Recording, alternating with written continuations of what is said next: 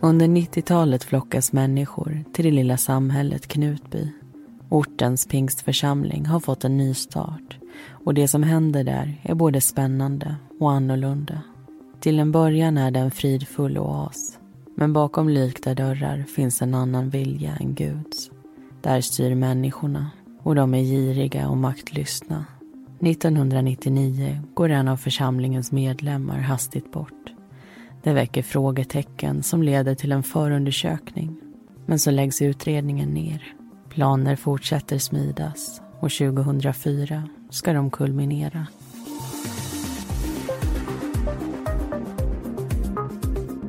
Du lyssnar på Mordpodden, en podcast om den mörka verkligheten. I veckans avsnitt ska du få höra berättelsen om Knutbydramat del 1.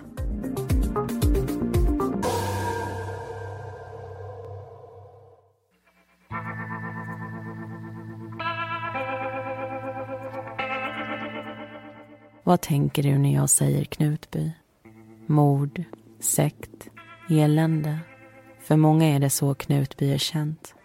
Innan 2004 var det lilla samhället fyra mil ifrån Uppsala, knappt med på kartan. Men efter det kan folk rysa av blotta ortsnamnet. För det är så Knutby är känt. För sin mörka historia. För det som händer där en januaridag. Men Knutby är såklart mer än en mörk dag. Mer än ett par människors onda gärningar. Här finns också en ljus historia. Skrattande barn på skolgården, trevliga grannar och öppna vackra vyer. Och mycket, mycket mer. Nu när vi ger oss in i berättelsen kring allt det där dåliga, håll det i åtanke. 1965 föds en flicka som får namnet Åsa hon växer upp i en troende familj med starka kopplingar till Pingstkyrkan. Hennes morfar är en av kyrkans ledare. När Åsa är gammal nog väljer hon att gå i hans fotspår. Hon studerar teologi och tron är inte längre bara en del av hennes privatliv utan även yrkesliv. Samma år som Åsa fyller 25 blir hon erbjuden ett jobb som pastor vid Pingstkyrkan i Uppsala. Hon tackar ja och får i uppdrag att leda de yngre i församlingen. Något den unga kvinnan gör med ett leende. Åsa är öppen och varm, tycker om att kramas och umgås med ungdomarna. Inte bara i, utan också utanför kyrkan. Hennes beteende är unikt på arbetsplatsen och inte alltid uppskattat. Flera av hennes kollegor tycker att hon gör fel. 1992 skiljer sig Åsa från sin man och tvingas lämna sin tjänst. För Åsa är det nederlag efter nederlag. Hon har inte bara förlorat kärleken och arbetet utan även attackerats personligen.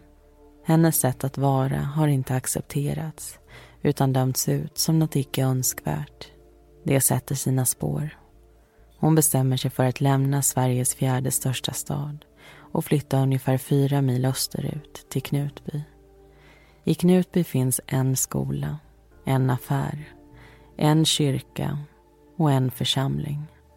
Den senare skapades 1921 då några vänner från Pingstkyrkan gick samman. De 70 år som passerat sedan dess har Philadelphia-församlingen i Knutby varit som vilken frikyrka som helst. En plats för tro och gemenskap. Men det ska snart komma att ändras. Innan Åsas ankomst har församlingen tagit del av två profetior. Den ena pratar om en kvinna som ska komma till dem. Någon som är sårad, föraktad och baktalad och som ska tas emot med öppna armar. För genom henne kommer Gud göra stora under. Den andra profetian handlar om Knutby. Att Gud har en plan för samhället och att det ska utgå en eld därifrån. När Åsa anländer är hon ledsen, besviken och nedstämd. Den senaste tiden har tagit mycket ifrån henne och hon behöver tid att läka. Philadelphia-församlingen ska dock snart väcka henne till liv. Och hon den. Till en början tar hon avstånd. Hon har precis lämnat en församling och inte är redo att kasta sig in i en ny. Men så möter hon människorna. De är trevliga, engagerade och öppna för hennes idéer. 1993 blir Åsa erbjuden ett jobb som pastor. Hon tackar ja. Församlingen har funnit sin väg in i hennes hjärta och hon tycker om visionen och friheten i det nya jobbet. Många i församlingen är redo för förändring, redo att bli en del av den där profetian som talat om en eld. Och att Åsa är den kvinna som den andra profetian handlar om är många överens om.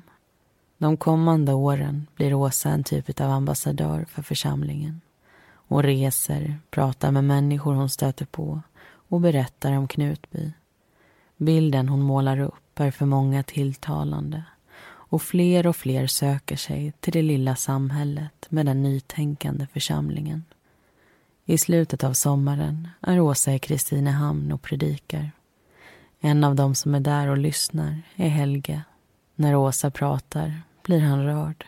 Han gillar det hon säger och sättet hon säger det på. Efter predikans slut går han fram för att prata med henne. Det visar sig att Åsa och Helge har en hel del gemensamt. Samma vision och värderingar. Och medan Helge tycker om Åsas sätt att tala så tycker Åsa om Helges drivkraft och bibelkunskap. Några år senare, 1997, kommer Helge och hans familj till Knutby. Han blir likt Åsa pastor och en omtyckt sådan. Han är klipsk, rolig och medryckande. Den typ av person vars glädje snabbt sprider sig till andra. Han är också en ledare och en uppskattad predikant. Helge pratar nämligen om saker på ett alldeles eget sätt och han lyfter ämnen som många andra undviker. Sex är en del av livet och därför inget att hymla med. Döden är inte så otäck som många tror. Det är en belöning och en väg hem. Helge tycks ha en speciell kontakt med Gud. De står varann närmare än gemene man och Helge får varningar om sånt som ska komma. I januari 1999 får Helge veta att han har diabetes. Det påbörjas en behandling och kan snart tyckas vara under kontroll. Men i samtal med Åsa berättar Helge att Gud talat till honom. Han kommer bli sjuk och sen få kraft. Även om Åsa är troende och själv pratar med Gud har hon svårt att tro att det verkligen kommer bli så som Helge säger. Men så kommer hösten. I september läggs Helge in på sjukhus. Läkarna tar prov efter prov och gör test på test men hittar inget som kan förklara hans tillstånd. Så en dag är han frisk igen.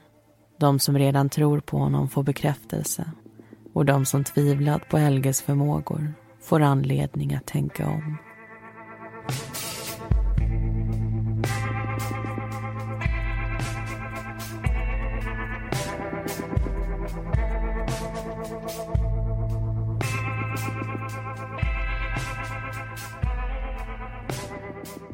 Då får vi hälsa er välkomna till den första diskussionen. Vi ska prata om arbetet bakom det här avsnittet och även ge er lite mer bakgrund. Sen vill vi också påminna er om att vi nu samarbetar med Podplay som är en ny podcastplattform där du hittar vår podd och en massa andra poddar. Så gå in och lyssna där, antingen på podplay.se eller i appen Podplay. Och det kanske också några av er redan gör. I så fall vet ni nog om att våra avsnitt de kommer ut en dag tidigare där än i andra appar. Det kan ju vara bra att veta särskilt då det här avsnittet heter Knutbydramat del 1. Vilket betyder att det kommer komma en del 2. Så vill man ha lite mindre väntetid så är ju Podplay alltså ett alternativ. Och det är ju vi två som gör den här podden från början till slut. Det är vi som gör research, skriver berättelserna, spelar in och även redigerar. Och vi brukar dela upp avsnitten mellan oss och i det här fallet så är det ju du Linnea som har skrivit avsnittet. Eller avsnitten ska vi säga, för det här kommer ju resultera i både en del 1 och en del 2. Vill du förklara lite kring varför det blev så? Jag vet ju lite granna, men våra lyssnare gör ju inte det. Nej, absolut, det ska jag göra. Eh, och jag kan väl säga att det grundar sig i att det är flera saker som händer det sker under en längre tid och det involverar väldigt många olika människor. Så det kändes som att om vi bara gjorde ett avsnitt av det så skulle vi bara skrapa på ytan och aldrig kunna få med all den här bakgrunden som faktiskt gör att Knutbydramat eh, blir en händelse som vi idag känner till. Eh, så därför fick det helt enkelt bli två delar. Och jag kan ju säga som så att när jag sätter mig ner och jag börjar göra research inför ett fall så har jag en, en mall som heter sammanfattning. Och högst upp i den så brukar jag skriva in namnen på de inblandade, lite kort vem som är vem. Till exempel Maja, 23 år, gärningsperson, så att jag får en lite översikt i det hela. Eh, och den här blev ju ganska full ganska snabbt ska jag säga. Ja, det krävs ju ofta att man gör en eh, eller skapar sig en liten översikt eftersom det i många fall är fler personer involverade än de som man tar upp i berättelsen sen. Och du och jag har ju pratat lite om det här tidigare, att Knut... Say hello to a new era of mental health care. Cerebral is here to help you achieve your mental wellness goals with professional therapy and medication management support. 100% online. You'll experience the all new Cerebral Way, an innovative approach to mental wellness designed around you. You'll get a personalized treatment plan from a therapist, prescriber, or both in a safe and judgment free space. Your cerebral therapist or prescriber will outline a customized plan with clear milestones along the way so you can get to feeling your best. With Cerebral, you're not alone in your mental health journey. We're here to empower you to live a fulfilling life. So take that first step towards a brighter future and sign up today at cerebral.com slash podcast and use code ACasts to get 15% off your first month. Offer only valid on monthly plans. Other exclusions may apply. Offer ends July 31st, 2024. See site for details. Hey, I'm Ryan Reynolds. Recently, I asked Mint Mobile's legal team if big wireless companies are allowed to raise prices due to inflation. They said yes. And then when I asked if raising prices technically violates those onerous two year contracts, they said, What the f are you talking about, you insane Hollywood ass?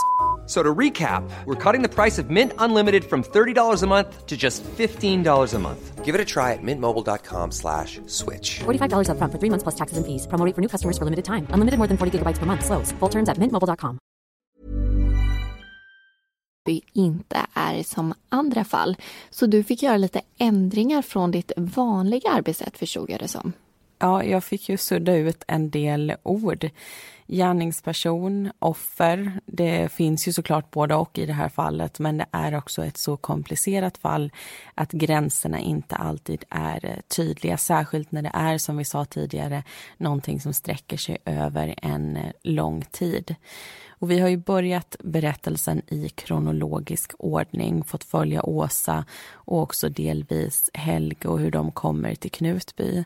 I berättelse två så ska vi fortsätta den här historien men först ska vi berätta lite varför Åsa väljer just Knutby när hon lämnar Uppsala.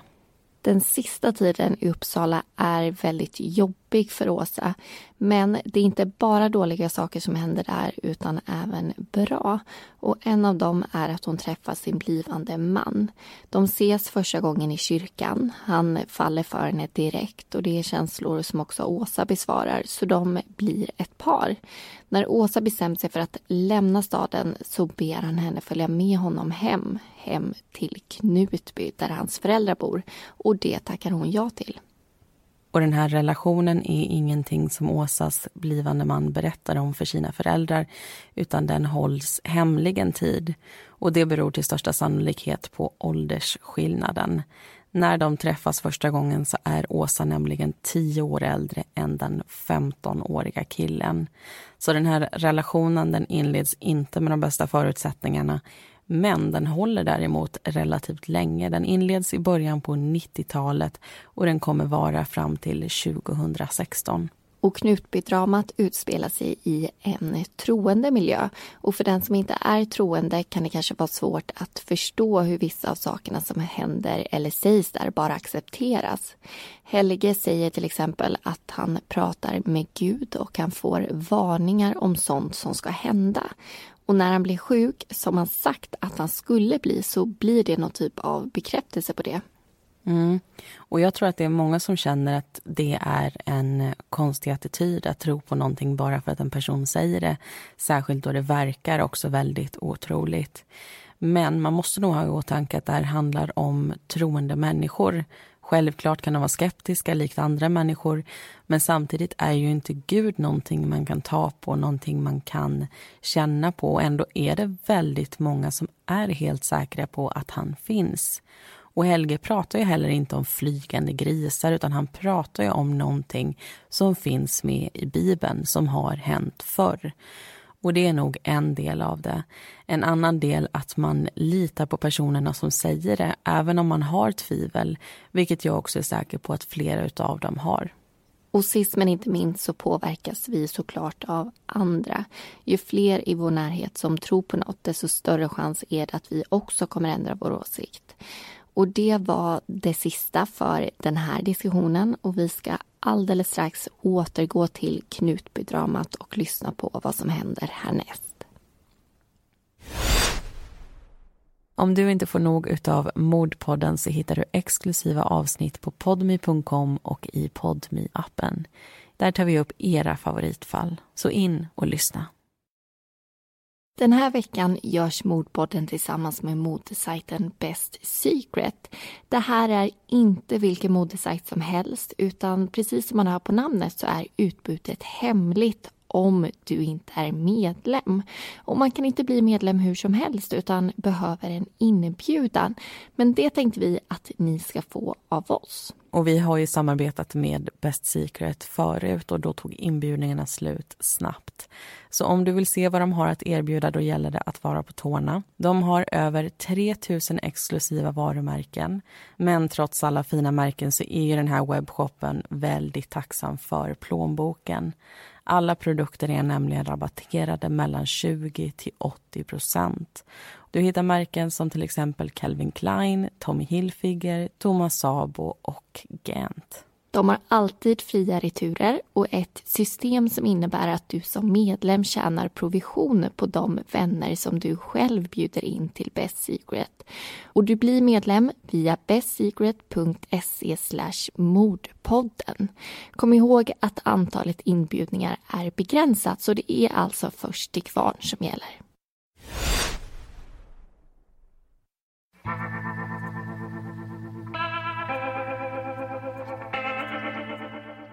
Vardagen i Knutby är fylld med vanliga aktiviteter. Folk handlar, städar sina hem, lagar mat och passar barn. Precis som vilken annanstans som helst. Men samtidigt är inte Knutby som andra platser. Flera av församlingsmedlemmarna är grannar. De bor tätt och hjälper varandra dagligen. För många är det precis det paradis som utlovats. En lugn och stilla plats där tron och gemenskapen står i fokus. Man är inte bara medlem i samma församling, inte bara grannar. Man är en del av familjen. Förändringarna i församlingen är dock på gott och ont. Många av de äldre medlemmarna försvinner samtidigt som de yngre går ihop. Den växande skaran ger liv och rörelse som blandas med musik och glädje. Men en av medlemmarna tycker också att det har blivit hårdare, mer självcentrerat, inte öppet för kritik. Åsa och Helge är inte de enda pastorerna i församlingen men de är utan tvivel de två som har mest makt. De jobbar nära varann i stort sett varje dag. Deras gemensamma drivkraft går bara i en riktning, framåt. Båda är karismatiska ledare och unika individer. Helge är känd i församlingen för sin närhet till Gud. Snart kommer också Åsa få en liknande roll. Helge har på känn att hon är mer än vad man kan se utifrån. Man börjar leta igenom texter som kan ge en förklaring. I ett stycke av Bibeln nämns någonting som kallas för himmelens drottning. Helge är säker på att det är Åsa som omnämns. Att hon inte bara är en vanlig människa utan också trolovad med Jesus. Åsa börjar kallas för Kristi brud, men bara bland medlemmarna i den innersta kretsen. Resten av församlingen får inget veta. Vissa accepterar Åsas nya roll. Det är spännande och häpnadsväckande att någonting så stort kan ske i lilla Knutby. Andra ifrågasätter det. En av dem är pastorn Hans. Helge tar emot hans misstro med förståelse medan Åsa försöker tala honom till rätta. Hon säger åt Hans att han tänker för mycket. Han måste lita på Gud och sitt hjärta. Gud har alltid en plan och det är inte deras jobb att ifrågasätta den. Accepterar han inte sanningen borde han lämna Knutby. Hans vill inte det. Han och hans fru trivs väldigt bra och han väljer därför att acceptera Åsas ord som sanning. Så fort beslutet är fattat går Åsa från hård till mjuk och berömmer honom. Det får en vikt att lätta från Hans axlar. Sen flytten till Knutby tar Helges fru Karin hand om hemmet och barnen. De har tre stycken nu. Två pojkar och en flicka. Hon driver också en barnverksamhet där hon tar hand om flera av grannarnas barn. Karin är varm och glad. Hon kommer ofta med uppmuntrande ord och även om hon är trött och slut klagar hon aldrig. Under hösten 1999 berättar hon för en vän att relationen mellan henne och Helge inte är så bra. Helge spenderar stora delar av dygnet tillsammans med Åsa och Karin känner sig ofta ensam. Hon vet också att han flörtar med andra kvinnor.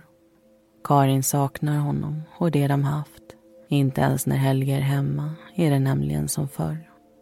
Helge försöker lugna situationen och säga att de bara ska hålla ut ett litet tag till. Åsa behöver honom just nu och då måste han finnas där. För Åsa berättar han att frun är en helt annan person när de är ensamma. Sur, gnällig och osäker.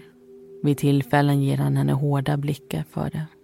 Men Åsa, likt många andra, ser bara en godhjärtad, lugn och trygg mamma och fru. Karin får ha själavård med henne. Tala om det som skaver. Hon pratar också med sina vänner. En av dem får insikt i att Åsas yngre syster, Charlotte, ofta är hemma hos Karin och Helge. Hon är förlovad med en annan församlingsmedlem, men relationen är inte bra. Helge tycker att Karins svartsjuka är ett problem, men enligt flera är den helt befogad. Han har tagit snedsteg förr.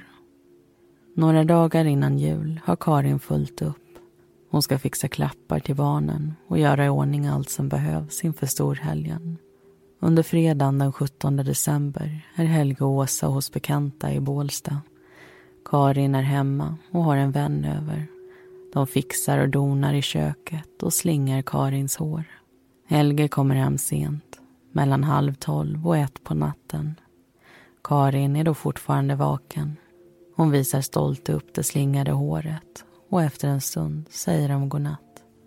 Morgonen därpå känner sig både Helge och Karin dåliga. Det går magsjuka i församlingen och nu tycks de två också ha fått det. Karin kräks och blir alldeles matt. Helge går ner för trappan för att prata med deras barnflicka Ida. Han ber henne ta hand om barnen under dagen och går sen upp och lägger sig igen. En stund senare kommer Ida upp med frukost.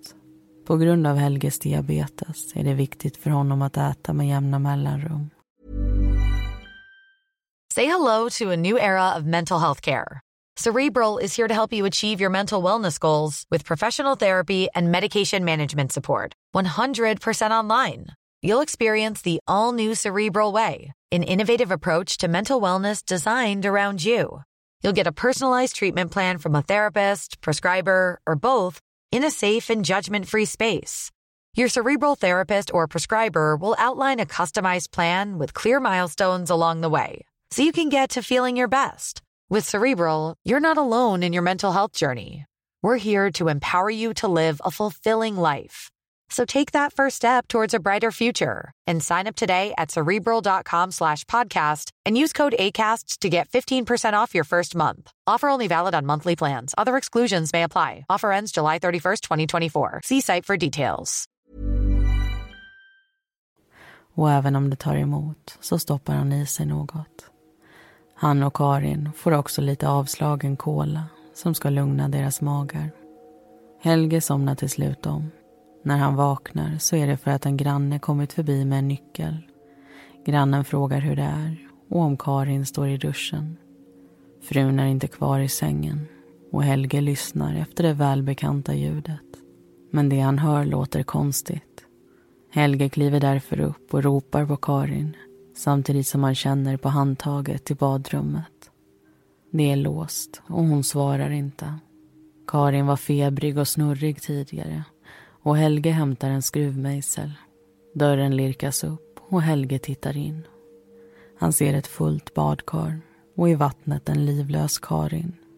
Han skriker till och springer fram, lyfter upp frun ur vattnet och håller om henne. Snart kommer flera grannar dit. De påbörjar hjärt och lungräddning och Helge beordras att kliva undan. Någon av dem har ringt 112 och en ambulans kommer och tar med Karin till sjukhuset.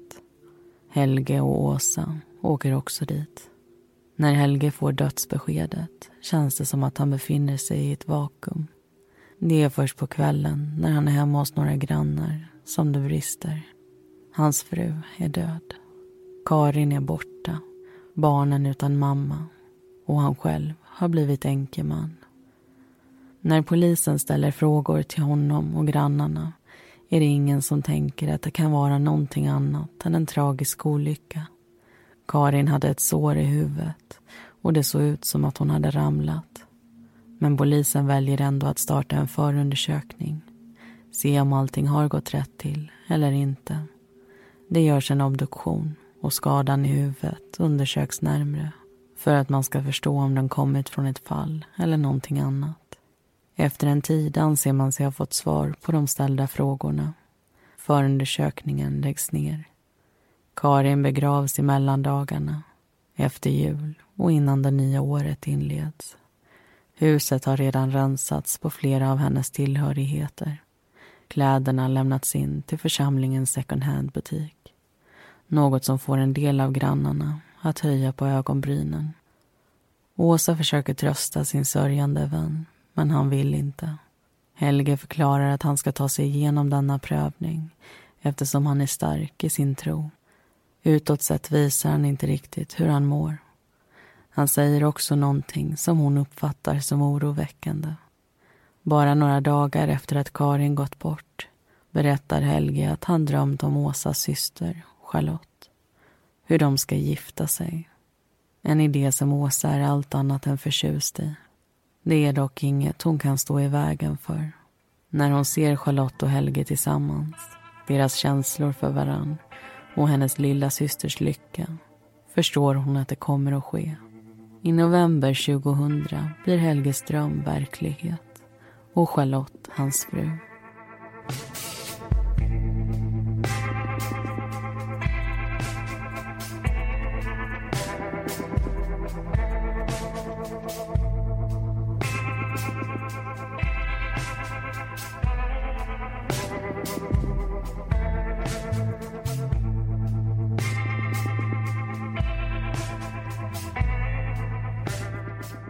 Då har det blivit dags för en ny diskussion. Vi ska bland annat prata om utredningen kring Karins död. Men vi börjar med någonting som händer innan hon går bort.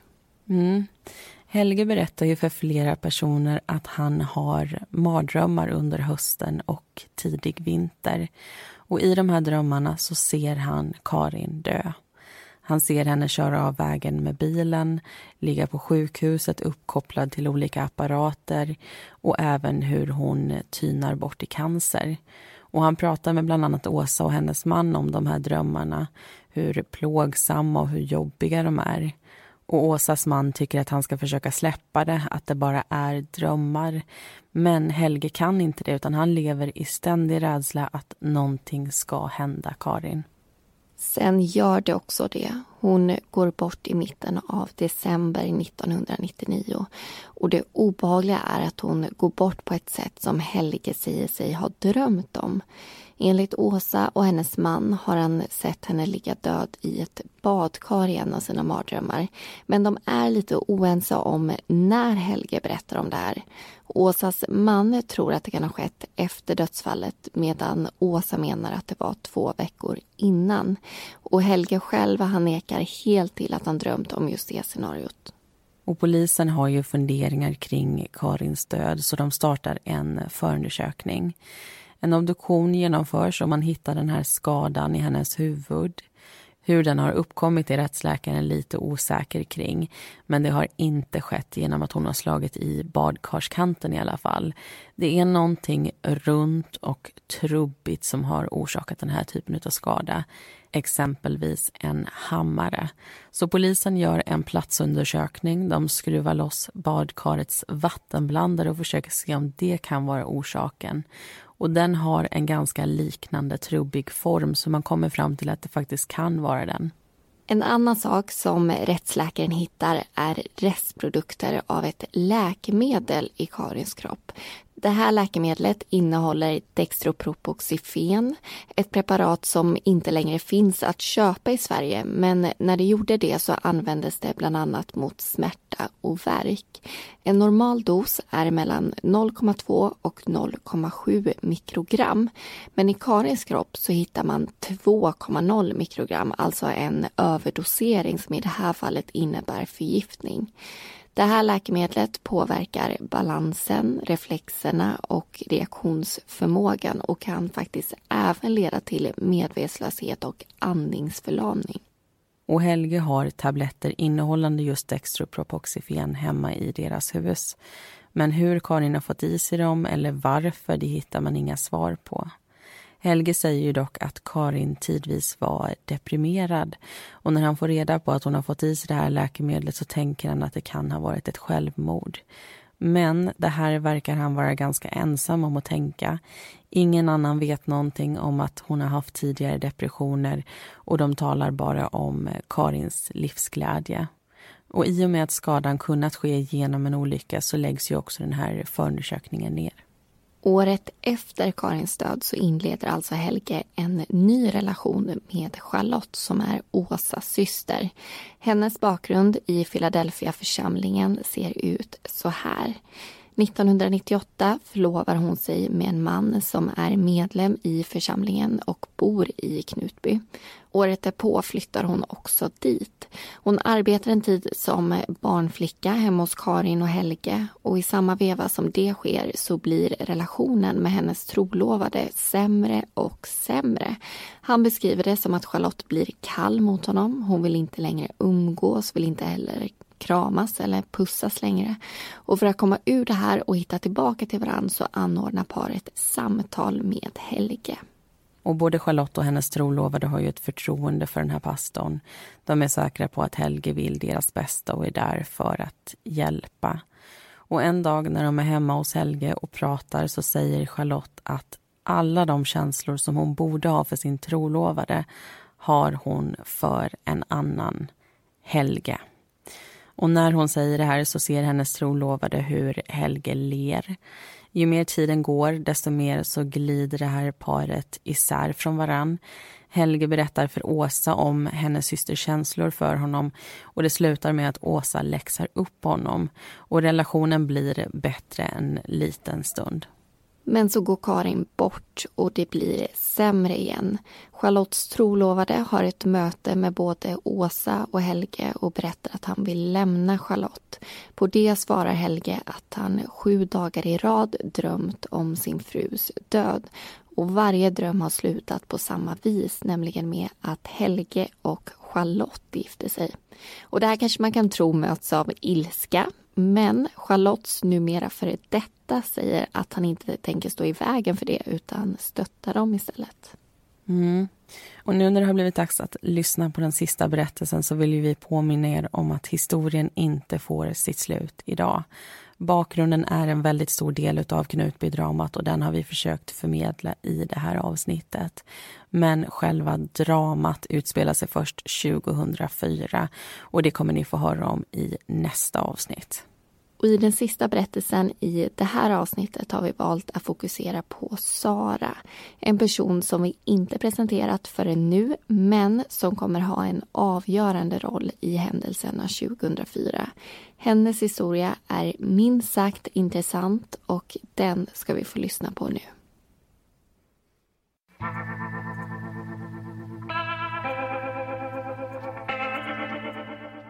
Sara föds 1977 i Vaggeryd, en mindre tätort belägen söder om Jönköping och en del av det svenska bibelbältet. Här har frikyrkorna stort inflytande och många av dem som är bosatta i området är troende. Så också Saras familj. När Sara är 11 år går hennes mamma bort i cancer. Det är jobbigt för henne. Hon har inga syskon och hon och mamman har stått varann väldigt nära. Så en dag är hon bara borta. Inte längre där när den unga tjejen kommer hem från skolan.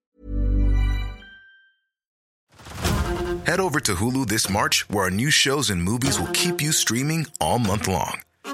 Catch the award winning movie Poor Things, starring Emma Stone, Mark Ruffalo, and Willem Dafoe. Check out the new documentary, Freaknik The Wildest Party Never Told, about the iconic Atlanta Street Party. And don't miss FX's Shogun, a reimagining of the epic tale, starring Anna Sawai. So, what are you waiting for? Go stream something new on Hulu. Eller vid något annat tillfälle, för den delen. Och Sara tvingas växa upp utan henne. 1997 fyller Sara 20 år. Hon går på bibelskola i Aneby, ungefär en timmes bilfärd ifrån hemorten. Det är där hon träffar Åsa. Den äldre kvinnan ordnar en praktikplats till Sara i Knutby. Det ger mer smak och i januari 1999 flyttar hon till Rimbo som ligger ungefär tre mil därifrån. Hon blir en del av Knutbys församling och träffar Linus. Året därpå gifter hon sig med honom. De flesta som stöter på Sara beskriver henne på samma sätt. Hon är varm och glad. Likt en solstråle sprider hon energi. På läpparna finns nästan alltid ett leende. Men hon har också humor och tycker om att hjälpa andra. Det ska komma till användning när hon får rollen som förebedjare vilket går ut på att man ber å andras vägnar. En av dem Sara ska fokusera på att hjälpa är Åsa. Helge ber också för pastorn och det är så deras vägar korsas. Med tiden vill Helge att de ska träffas mer och mer. Sara tror till en början att det handlar om förbönstjänsten men så förstår hon att Helge är intresserad av henne. Han söker extra jobb i Rimbo och agerar kärleksfullt. Giftermålet med Charlotte har bara några månader på nacken och hemma väntar Saras man. Men Helge förklarar att det inte är tal om otrohet. Visar Sara sina känslor för honom är det Guds vilja att de ska vara tillsammans. Helge behandlar henne på ett sätt som får Sara att känna sig speciell. Och mot sitt bättre omdöme blir hon förälskad. När Helge säger att de ska utföra en lydnadshandling inför Gud i sina roller som förebedjare går Sara med på det. Handlingen består av sex och sker i slutet av april 2001. Runt samma tid frågar Helge om Sara skulle kunna döda en människa om Gud befallde henne. Den unga kvinnan tycker att frågan är konstig men svarar att hon skulle kunna göra det om det verkligen var Guds vilja. Å andra sidan är hon säker på att Gud är fullt kapabel till att ta hand om sådana saker själv. Helge pratar mycket med Sara om lydnad. Om att Gud bad Abraham att offra sin son. Men när han stod där vid altaret så stoppade han honom. Abrahams lydnad var då bevisad. Relationen till Linus tar så småningom stryk. Han har en känsla av att Sara döljer något och paret söker hjälp av Helge de pratar om problemen som uppstår i hopp om att lösa dem. Men Linus märker snart att Helge är orättvis. Han lyfter ständigt upp Sara. Hon är fin och gör allt rätt. Problemen kommer från Linus. Några egentliga råd får han inte. Och samtalen slutar med att Linus känner sig nedtryckt och anklagad. Den 10 juni sitter Sara och Helge i en bil när pastorn plötsligt blir dålig. Han börjar skaka och Sara kör honom till akuten. Helge berättar för henne att det är början på en strid i bön mot djävulen. Sara stannar vid hans sida tills Linus kommer för att hämta henne. Men Helge vill inte att hon ska gå. Han säger att hon behövs bredvid honom. Lämnar hon rummet kommer han bli sjukare. Sara brottas med skuldkänslor hon vill inte göra Linus illa men känner också att hon måste hjälpa Helge. Hon förblir vid hans sida. När de anländer i Knutby följer hon med pastorn hem. Kampen mot djävulen är inte över och det är de två som måste stå tillsammans. Därför får frun Charlotte flytta till ett av gästrummen medan Sara spenderar natt som dag vid Helges sida. Att han är sjuk har hon inga tvivel om. Varje natt ligger han och skakar och går igenom olika våndor. Lämnar hon rummet, ens för en liten stund, svimmar han. Så fort hon är tillbaka blir allt bättre. För att vinna den andliga striden måste Sara och Helge ha sex varje natt. Situationen orsakar spänningar. Linus vill ha hem sin fru och Charlotte tillgång till sin man. Hon längtar efter att bara kunna vara de två. Men Helge säger att de båda är själviska. Det är Guds vilja de försöker gå emot. Förutom spänningar känner Charlotte även rädsla. Det som pågår påminner henne om Karin. När hon dog var Charlotte vid Helges sida. Nu är det hon själv som blir undansatt och Sara som är Helges allt. I sex månader lämnar Sara knappt Helges rum. När hon inte vakar över honom spelar hon spel, tittar på tv och hjälper till med barnen och hemmet. I november 2001 pratar Helge med församlingsledningen. Han säger att det är Guds vilja att han ska gifta sig med Sara. Att de är i en relation nämns inte, men det spelar ingen roll. Församlingen ställer sig emot Helge. En dag får pastorn ett mejl. Det står att han är en prövad man och att hans andra fru ska tas ifrån honom likt den första. Det finns nämligen en tredje kvinna som är skapad just för honom. Helge övertygar Sara om att det är hon och säger att Linus ska tas hem till Gud om de inte skiljer sig. Skilsmässan blir snart ett faktum och i januari 2002 får församlingen reda på deras relation. Känslorna tycks enade. De vill att Sara ska flytta ut ur Helges sovrum.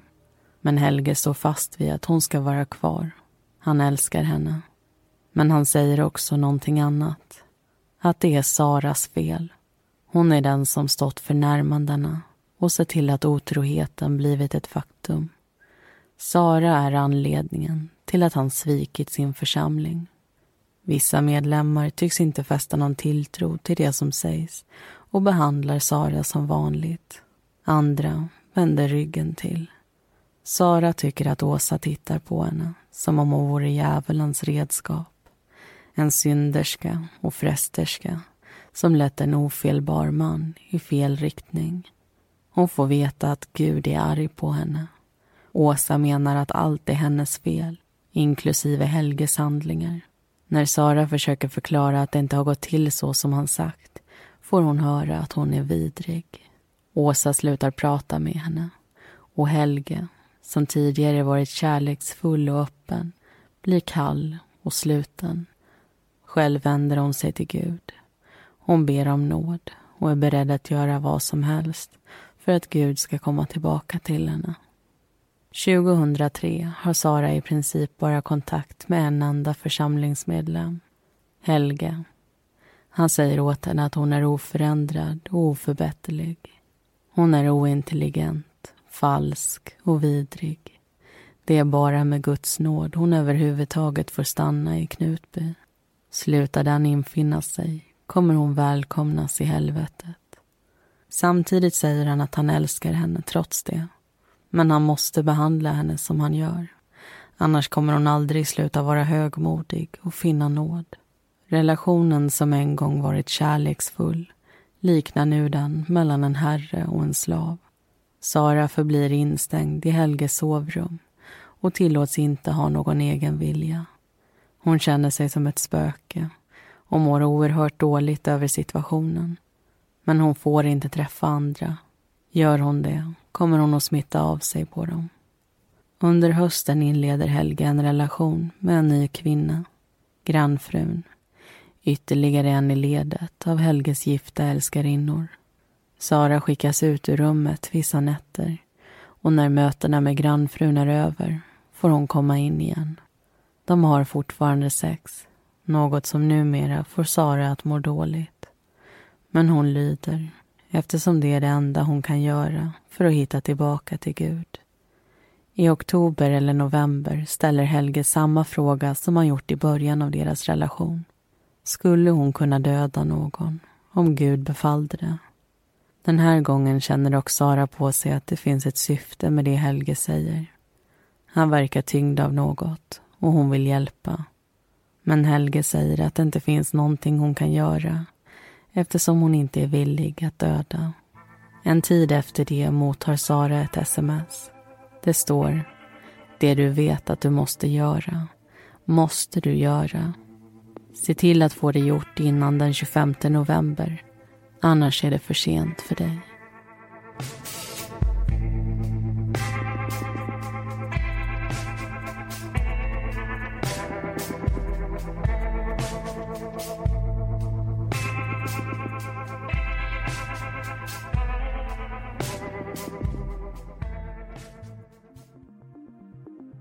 Tack för att du har lyssnat på Knutbydramat del 1. Alla förutom Helge, Sara och Åsa heter egentligen någonting annat.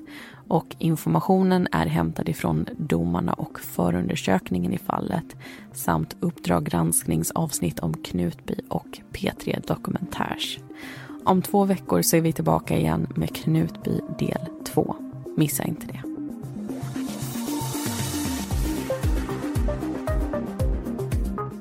Vi som gör Mordpodden heter Linnea Bolin och Amanda Karlsson. Bakgrundsmusiken består av låtarna Lasting Hope, Lightless Dawn och Soaring av Kevin MacLeod samt Deep Space av Audionautics.